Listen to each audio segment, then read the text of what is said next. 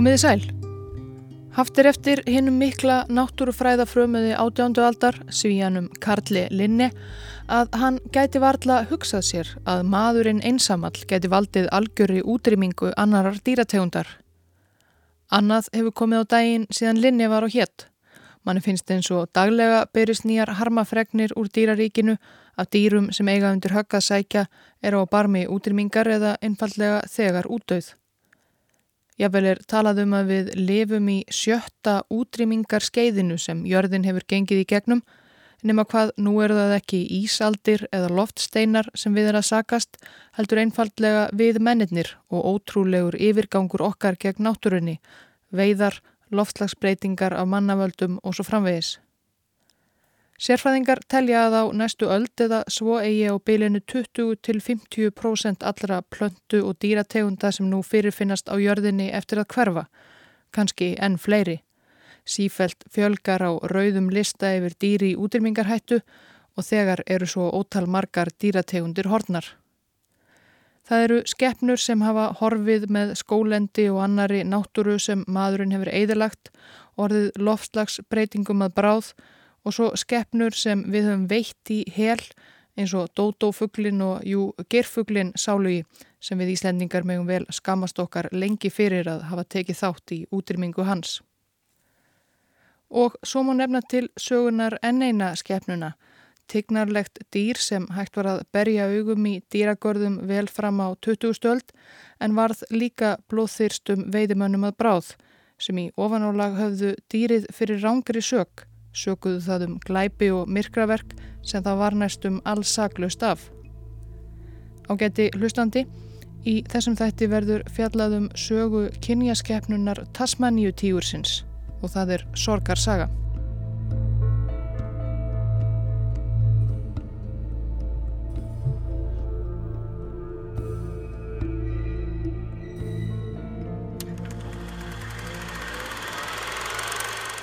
Myndskeiðið er um mínútu langt, 62 sekundur. Það er svartkvít og hljóðlust, tekið einhver tíman árið 1933. Ferfællingur glennir upp skoltinn framann í myndatökumannin, kannski að gefa frá sér einhvers konar hljóð sem við heyrum ekki, eða kannski er hann bara geispa og sínir um leið vel vigtentan góminn. Svo sjáum við að hann er í búri ferfællingurinn, ekki sérlega stóru, en nógu stóru þó til að hann geti gengið örlítið um í ringi fram og aftur tilgangslöst. Hann þefar út í loftið og lítur í kringum sig. Hann er einn í búrinu. Í öðru skoti sesta niður eins og hundur en öðru liggur hann á steingólfi búrsins og flatmagar í sólinni eins og heimilisköttur. Í síðasta skotinu er ferfællingurinn að rýfa í sig kjötbytta. Honum veitir eflust ekki af því því hann er magur að sjá en það nagar hann af áfergju. Ferfællingurinn einmannalegi á þessu 62 sekundna myndskeiði var kallaður Benjamin og búrið hans var í dýragarðinum í Hobart í Tasmaníu. Þar bjó Benjamin í þrjú ár. Hann var færður í gardin skömmu áður en þetta myndskeið var tekið árið 1933. Þremur árum síðar, 7. september 1936, andaðist Benjamin í þessu sama búri. Heimskreppan mikla var skollin á og dýragarðurinn í Hóbart þurfti að draga saman seglinn, segja upp fjölda starfsmanna. Engin hirti um Benjamin sem var skilin eftir svo gott sem afskiptur í búrinu sínu með lítið skjólundan tasmönskum veðrum og vindum þar til hann dólóks úr hungri og vósbúð. Og með honum dó heil tegund því það er ekki nema vonað Benjamin hafi verið einmannalegur að sjá því hann var að öllum líkindum síðasta dýr sinnar tegundar, síðasti Tasmaníu tígurinn.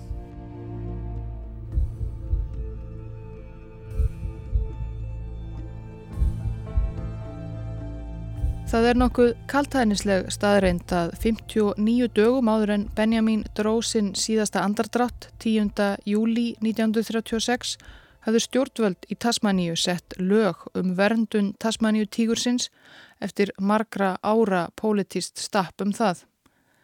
En þá var það alltaf seint fyrir Benjamin sem var að vestlast upp í dýragarðunum í Hóbart og alla föllnu frændur hans og frængur sem síðustu áratugi hafðu fengið að líða fyrir stefnu tasmanskra stjórnvalda sem var beinlinis fjandsamleg í gard tígursins sem átti þó að heita engkennis dýr eigunar.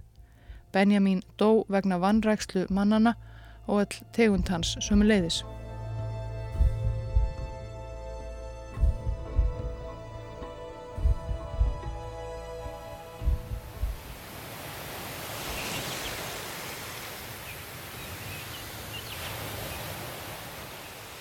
Fyrstu Evrópumennir sem vitað er til að börðu strendur eigunar Tasmaníu augum voru skipsverjarðum borði Hemskerk og Síhæn, tveimur skipum hollenska konnuðarins og sæfarans Abel Tasman sem sendur var til að kanna áður óþægt suðurhöf að forsvarsmönnum hollenska austur Indiafélagsins.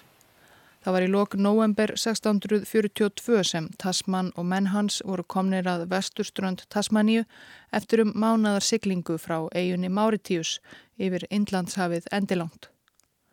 Tasman taldi fyrstum sinnað landið sem hann hafi fundið væri einn ottur af gríðarstóru meginlandi sem Evrópumenn hafi lengi grunað að lendist einhver staðar á þessum ókonnuðu slóðum, Terra Australis Incognita, hið óþekta suðræna land. Raunin var auðvitað svo að Ástralja sjálf var aðeins lengra undan en landið sem menn Tasmans komu auga á var eiga um 250 kílometra úti fyrir suðurströndum ástralska meginlandsins, rúmlega helmingi minni en Ísland. Tasman kallaði nýfundið land eftir yfirmanni sínum, landstjóra hollendinga í Östur Indium, Antoni van Diemen, van Diemens land en síðar var eigin svo nefnd í höfuðið á sæfaranum sjálfum, Tasmania. Tasman átti langa ferð fyrir höndum um öll suðurhöf og skip hans dvöldu bara í örfáa daga við akkeri við þetta nýja land. Nokkrir skipsverjar syndu í land. Fyrst og fremst þurfti auðvitað að planta hollenskum fána á ströndinni til að egna landsvæðið hollendingum formlega. Hópur skipsverja kannaði svo næsta nágrinni. Þeir eruðu fljótt varir við að þetta land var ekki óbyggt. Þeir heyrðu óljóst mannamál og tónlist berast úr skóginum sem tók við af ströndinni. Menn höfðu auðvitað búið í Tasmaníu löngu áður en Evrópumönnum dætt í hugað siglaþongað með fána í 30 til 40.000 ár. Þegar Evrópumenn fóru að koma rækilega undir sig fótunum á eiginni vegnaði tasmönskum frumbyggjum ekki vel. Þeim var svo gott sem skipulega útrýmt. Og ekki fór heldur sérlega vel fyrir sérstæðu dýralífi eigarinnar. Öðru tóku skipsverjarnir sem syndu í land eftir. Í jarðveginum sáðir spór eftir ferfætt dýr. Spórin voru ekki ósvipuð klóm tíkristýrsins, skrifaði Tasman í dagbók sína eftir lýsingum undirmanna sinna. Þetta voru á nefa fyrstu kynni Evrópumannsins af Tasmaníu tígrinum sem æsíðan hefur verið kentur við tíkristýr þó ekki séu þau sérlega skild nema sem spendir bæði tvö.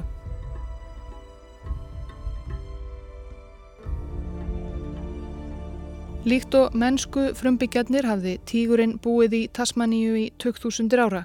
Frá því lungu áður en hækkandi sjávarmál gerði það verkum að Tasmaníu skildist frá ástrálska meginlandinu. Eins og fleiri förðu dýr á þessum slóðum var hann pokadýr frændi kingurunar góðkunnu en ólíkt henni kjötæta af ættbálki ránpokadýra eins og poka skollin íllræmdi sem einnig er gerðnan kentur við Tasmaníu. Tasmaníu tígurinn var stærstur ránpokadýrana. Meðal tígur var á stærfið vænan en grannvaksin hund á bylinu 100 til 130 cm langur fullvaksta með 50 til 60 cm rófu, 60 cm á hæð og 20 til 30 kílóa þyngd. Hann var snöggherður með nokkrar tígrislegar rendur aftast á bakinu og við rætur rófunar, rendur sem voru mest áberandi á ungum dýrum en fölnuðu með aldrinum. Rendurnar áttu hvað stærstan þátt í því að dýrið var áfram kallað tígur, þrátt fyrir að á flestan annan hátt svipaði það frekar til dýrs af hundaætt, hunds eða úlfs. Tvínefnið Thylacynus cynocephalus geti útlagst á íslensku pokadýr með hundshaus. En það týðkast einnig að kalla dýrið Tasmaníu úlf eða eins og hann er gerðnan kallar á íslensku Pókaúlf en höldum okkur aðalega við tígursnafnið hér. Líkt og tígristýr og úlvar á norður kveli var Tasmaníu tígurinn á toppi fæðukeðunar, stærsta rándýrið í Ástralíu og fátt sem gatt ógnað stöðu hans eða allt þar til villihundarnir dingóar bárust til Ástralíu einhver tíman fyrir um 10.000 árum. Dingóarnir keftu við tígurinn um sömu bráðina og sömu veiðilendur og í þeirri baráttu beigð tígurinn að lókum lægri hlut. Talið er að dingóarnir hafi átt hvað stærstan þátt í því að Tasmaníu tígurinn varð útdauður á meginlandi Ástralíu fyrir um 2000 árum en dingóin komst aldrei alla leið yfir til Tasmaníu og þar lifði tígurinn því áfram. Þetta stutta myndskeið sem við eigum af Tasmaníu tígrinum Benjamin og örf á önnur eldri myndbrot úr dýragörðum eru öll hljóðlaus. Það er engar upptökur til af hljóðunum sem Tasmaníu tígurinn gaf frá sér svo að þar höfum við einungis við að styðjast lýsingar þeirra sem herðu í tígrinum meðan hann var enn meðalvor. Það eru eins og gefur að skilja nokkuð óljósar. Það getur verið erfitt að lýsa hljóðum með orðum. Algengasta hljóði tígursins er oft líkt við hósta eða hóstakjent gelt. Á síðari árum hafa áhuga samir reyndað endurskapa gelt tígursins með hjálp tölvutekninar. Kanski hljómaði hann því einhvern veginn svona.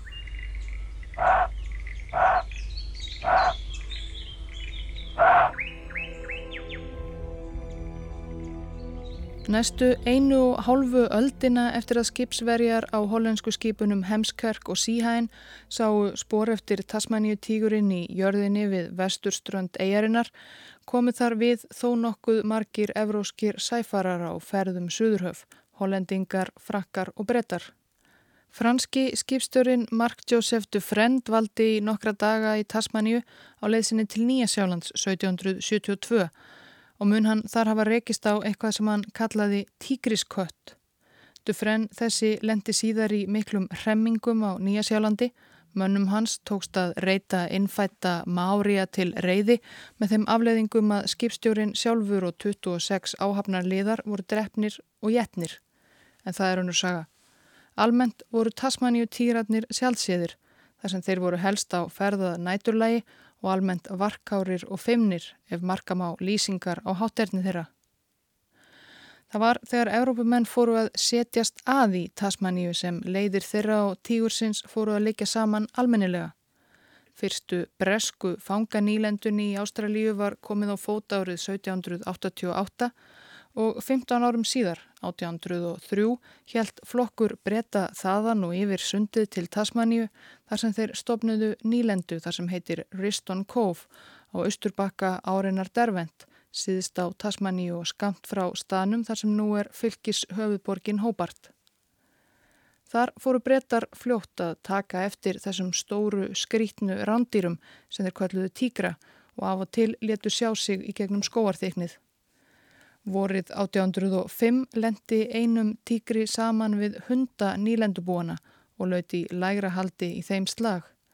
Í kjölfarið fengu breytarnir fyrsta tækifærið til að rannsaka hræ tígursins nánar og ítarleg lýsing á dýrinu, svo fyrsta, byrtist í blaðinu Sydney Gazette þann 21. april og þar má meðal annars lesa. Einstakt og nýstárlegt dýr var drepið af hundum þann 30. mars á hæð rétt fyrir utan nýlenduna. Dýrið verður að teljast af áður óþægtri tegund og sannarlega eina ógnvænlega rándýrið sem hingað til hefur sést nokkur staðar á Nýja Hollandi og nærlegjandi eigum. Það er bersýnilegt að þetta er skadræðis skefna sem nærist engungu á öðrum dýrum. Í maga þess fundu við talsvert af kenguru, einn þrjú kíló, en kengura er um 20 kíló. Lýsingin helt áfram meðal annars með nákvæmum lýsingum á skolti þessa framandi kvikindis og vígtönnunum sem þar leindust. Þetta var augljóslega eins og greinarhöfundur skrifar hinn versta skadræði skefna og það orðspor átti eftir að fylgja Tasmaníu tígrinum allt til endaloka tegundarinnar. Lífsbaráttan var hörð fyrir fyrstu evrósku landnemanna í Tasmaníu Þeim reyndist erfitt að beisla framandi náttúru eigarinnar og koma sér upp matjúrtarækt eða landbúnaði.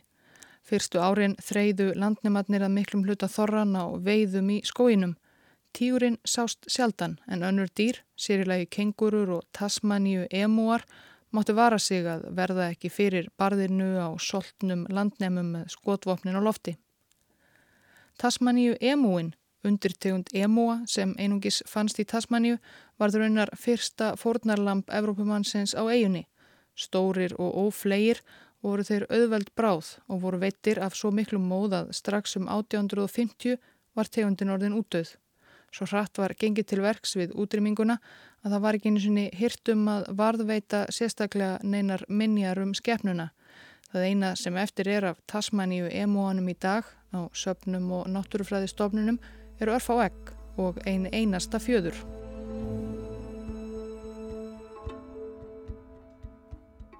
Þegar Evrópumenn settu stað í Tasmaníu er talið að um 5.000 tíkrar hafi lifað á eiginni, ekki svo rosalega margir.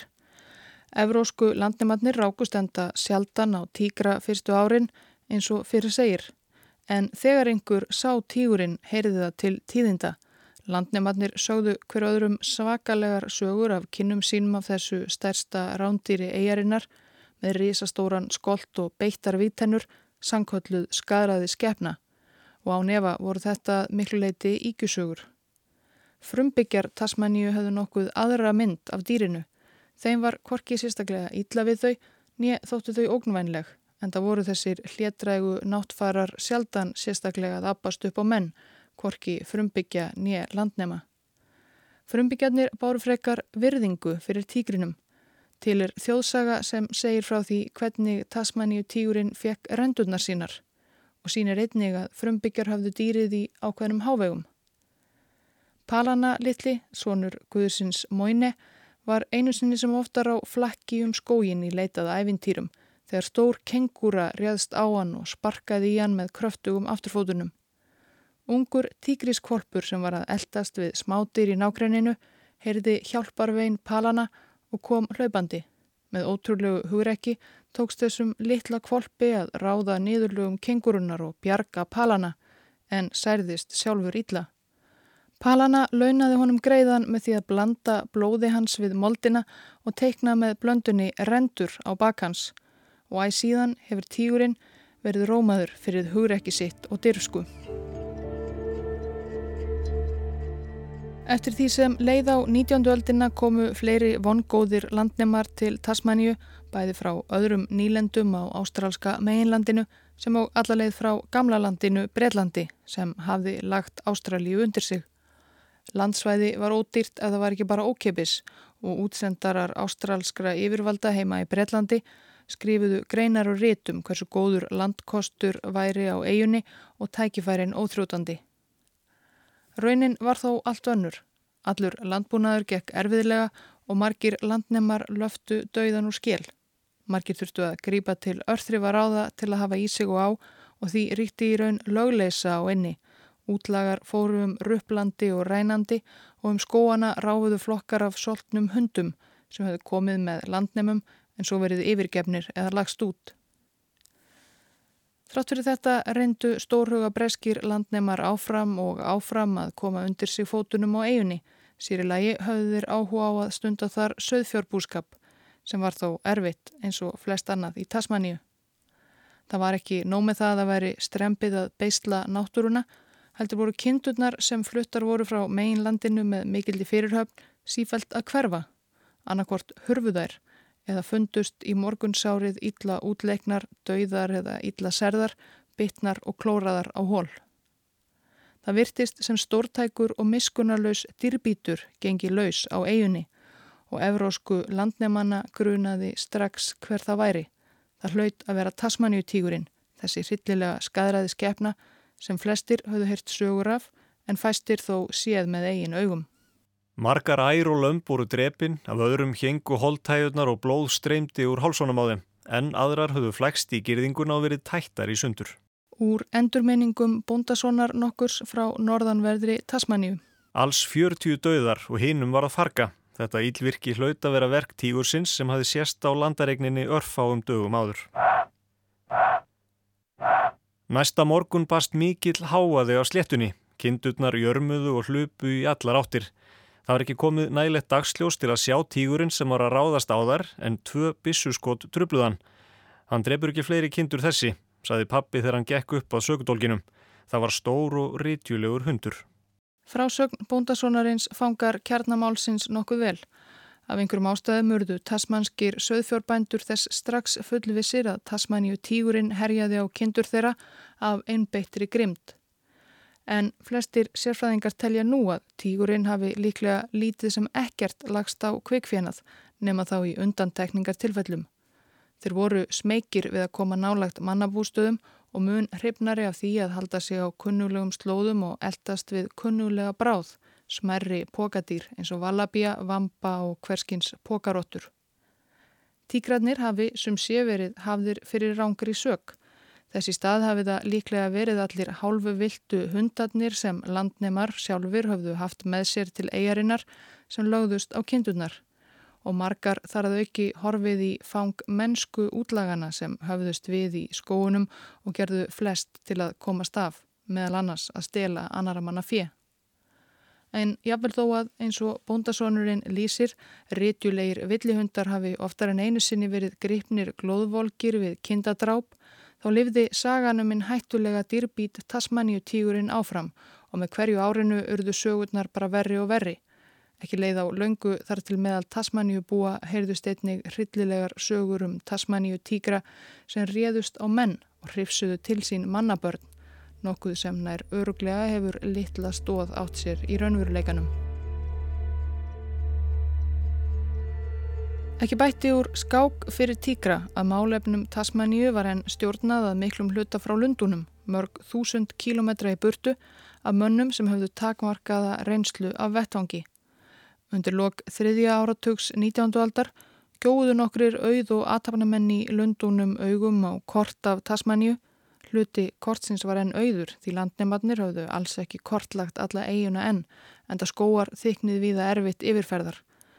Og þeir ákvaðu að þarna væri kjörið landsvæði fyrir mikið söðfjárræktunar veldi. Heima í Breitlandi var yðnbildingin í fullum gangi og það vantaði meiri og meiri ull fyrir yðnaðarrokkana sem aldrei þögnuðu.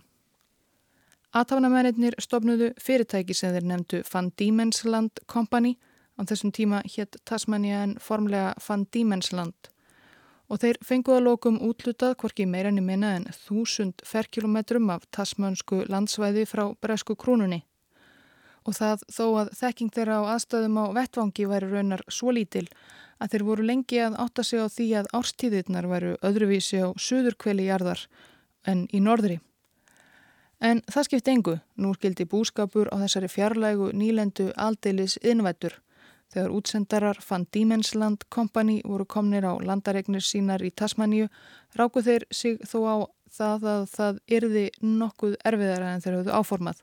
Reyndari bændur á svæðinu voru heldur ekki lengi að hefja upp röst sína og segja þeim hryllingssögur af hennu blóðþyrsta rándýri sem lendist í skóarþekninu og herjaði á fjöþera, Tasmaníu tígrinum. Lausn aðtafnamannana í Van Diemen's félaginu var svo sama, að yðnvæða baráttuna gegn Tasmaníu tígrinum sömu leiðis. Þeir réðu til sín flokka af svo kalluðum tígrismönnum sem höfðu það eitt hlutverk að fara um landaregninnar og drepa alla þá tígra sem urðu á vegi þeirra. Félagið tók líka að borga hverjum þeim sem gætt sínt fram á að hafa banað Tasmaníu tígri sérstatt verðlunafíja.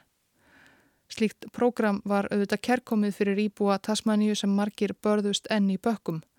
Einn döður tígur gætt orðið veruleg búbót ekki síst eftir árið 1855 þegar Eian van Diemensland fekk aukna sjálfstjórn frá nýlendustjórninni á meginlandinu og um leið formlega landið Tasmania eftir hollenska sæfaranum sem hafi fyrstur komið auga á hana tveimur öldum fyrr.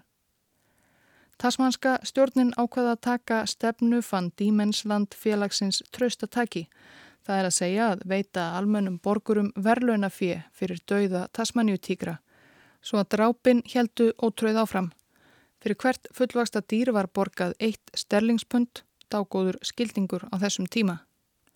Sannkvæmt ofinbyrjum skjölum frá árunum 1888 til 1909 borguðu stjórnveld þá fyrir 2184 döð dýr.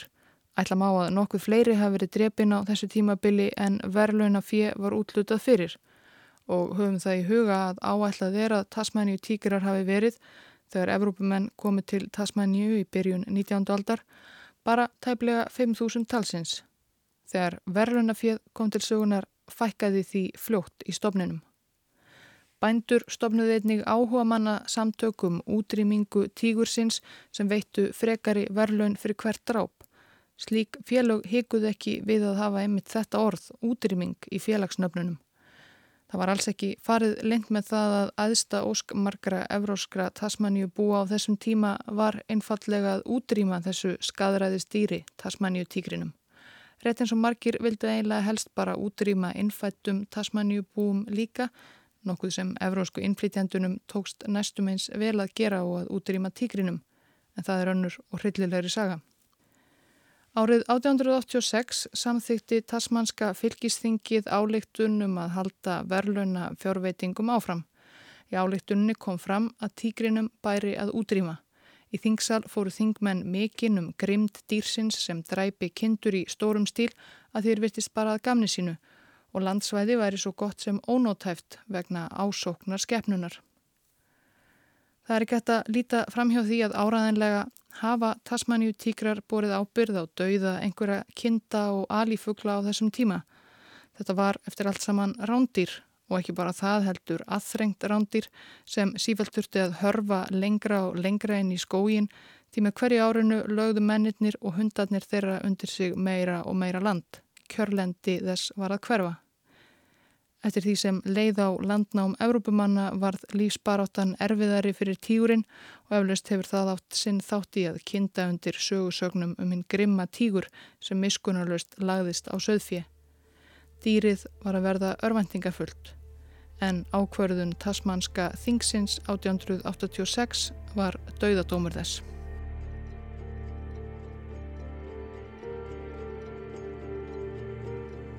Tasmania eins og margir aðrir fjarlægi rángar breska heimsveldisins voru framandi slóðir og fréttaflutningur þaðan átti ekki alltaf við röka stiðjast.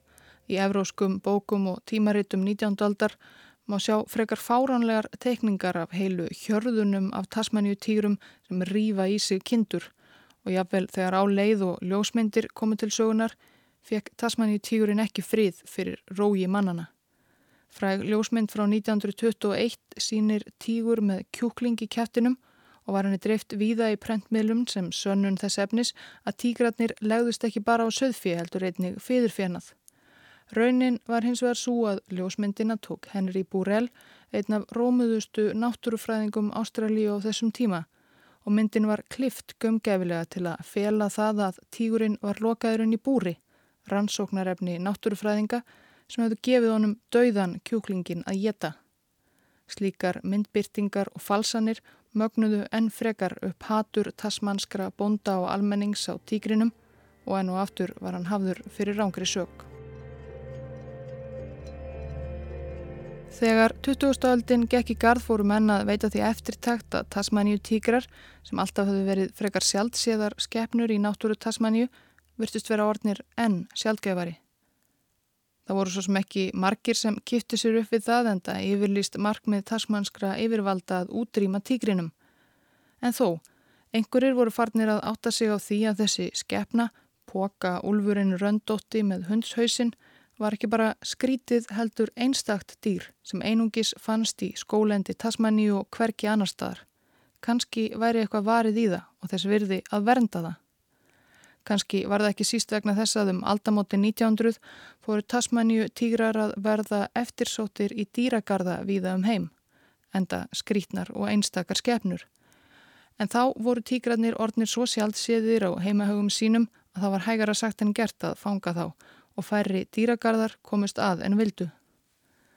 Rættir um að kannski ætti að reyna vernda þá Tasmaníu tígra sem eftir voru urðu háværari eftir því sem lengra leið á 20. stöld.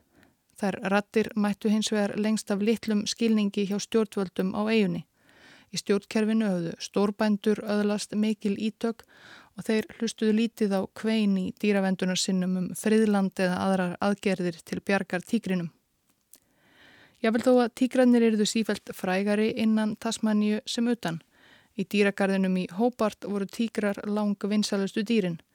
Árið 1917 tóku stjórnvöldi Tasmaníu upp skjaldamerki í fyrsta sinn og á því eru það tveir stæðilegir Tasmaníutíkrar sem halda hennum eiginlega skildi á millisín.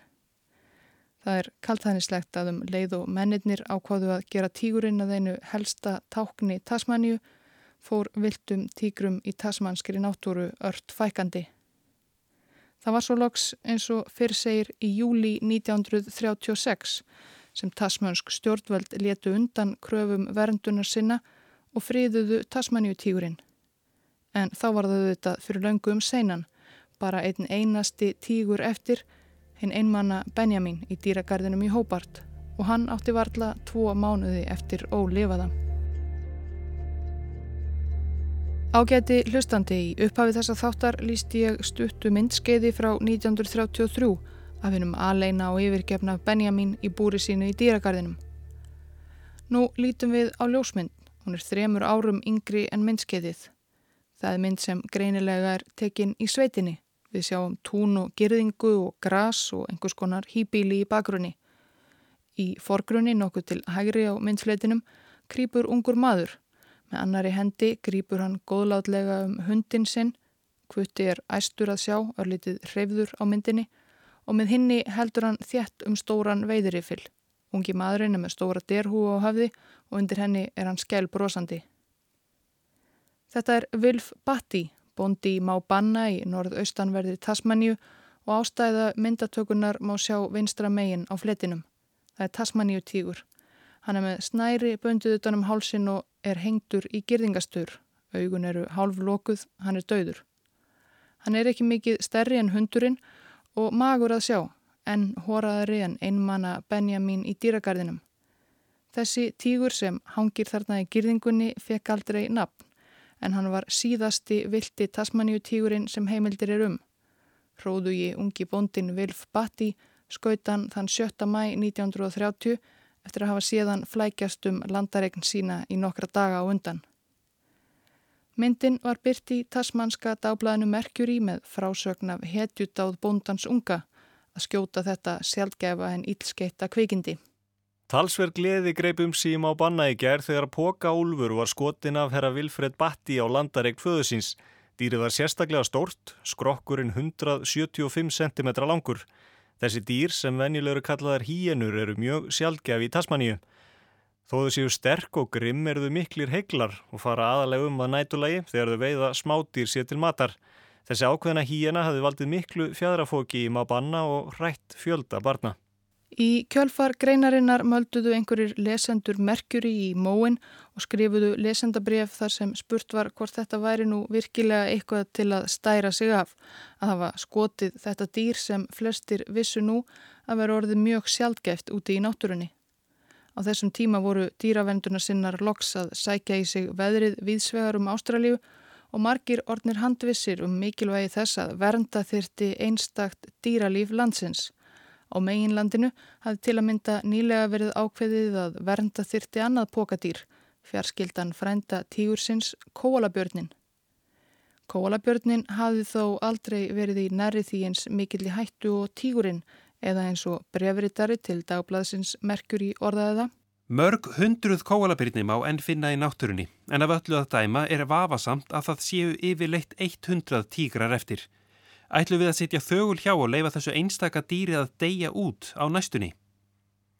Eitthvað verður að aðhafast og það snöglega ef við viljum komast hjá þeirri skömm sem útrýming dýrsins mun án ef að valda. Ef einhver áhuga samur maður eða kona og allir ætti að vera áhuga samur um þetta segir sína meiningu, gætu við farið að færast í rétt átt og unnið okkur inn velþóknun heimsbyðarinnar fyrir áttak okkar til bjargar tasmaníutíkurunum. En það var þegar um seinan. Það voru alls ekki hundrað viltir tasmaníutýrar eftir úti í náttúrunni eins og höfundur lesendabrefsins gerir sér í hugalönd. Það var alls enginn. Hefð er fyrir því að tegundir séu ekki lístar formlega útdauðar fyrir en 50 ár eru liðin frá því að síðast sáust ummerki eða sannanir fyrir tilvistera. Svo það var árið 1986, nákvæmlega 50 árum eftir dauða Benjamins, einmanna tígursins í dýragarðinum í Hóbart, sem Tasmaníu tígurinn var lístur útdauður, en einn tegundin horfin og það af mannavöldum.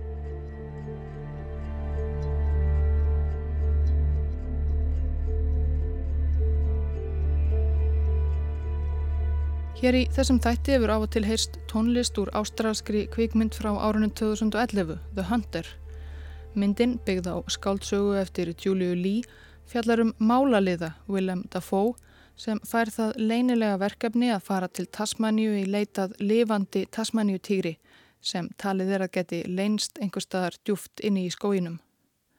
Ég ætla ekki að fara fleiri orðum um þessa kvikmynd, hún er vel þess virðið að horfa á ágæti hlustandi, en Söguþráðurinn er ekki svo langsóttur því æsíðan síðustu þekktu tíkratnir gafu upp öndina, sá Magri sem var skotin af bondanum í Mábanna og Benjamin í dýragarðinum í Hópart, hafa verið þrálátar og háværar sögur um að enn séu tíkrar á meðalvor. Margir telja að Benjamin hafi alls ekki verið síðasti sinnar tegundar, heldur hafi einhverjir tíkrar komist af úti í náttúrunni, kannski allt fram á sjönda áratögin án þess að mannskeppnur eruðu þeirra varir. Og ef það var hægt, spyrja sumir, akkuru ætti þeir svo sem ekki að vera enn á lífi þarna úti einhver staðar. Í nýlegum heimildathætti Ástrálska ríkisútarsins ABC var rætt við fjöldamanns sem sóru að hafa séð Tasmaníu tíkra hér og þar um Tasmaníu og á Ástrálska meginlandinu. Heilu félögin hafa verið stopnuð um það eitt að leitað sönnunum um áframhaldandi tilvist tíkra. Á samfélagsmiðlum má sjá ótal óljósar myndbandsupptökur sem eiga að sína Tasmaníu tíkra á ferð. Það nýjasta er frá meginlandinu, útkverfi Adelaide. Einhvers konar ferfællingur með langan hala eða skott á ferð við ruslatunnur í íbúðakverfi. Gæti verið Tasmaníu tígur en gæti alveg eins verið kengurungi eða bara hundur. Hvað sem okkur finnst um þetta þá er vissulega mögulegt að einhver tíman í framtíðinni eigum við eftir að rekast á Tasmaníu tígur. Árið 1999 tilkynntu vísindamenn hjá náttúruminjasafni Ástralju að þeir heiðust alltaf að reyna klóna þessa útdöðu tegund. Nokkrum árum síðar tilkynntu sömu vísindamenn að þeim hefði tekist að ná nótæfu erðaefni úr þeim sínum sem hafa verið varveitt úr tígurnum og vonir stæðu til að hægt væri að nota þau til klónunar. Það er þó hægara sagt en gert og alls óvist hvort að það tekst nokkuð tíman.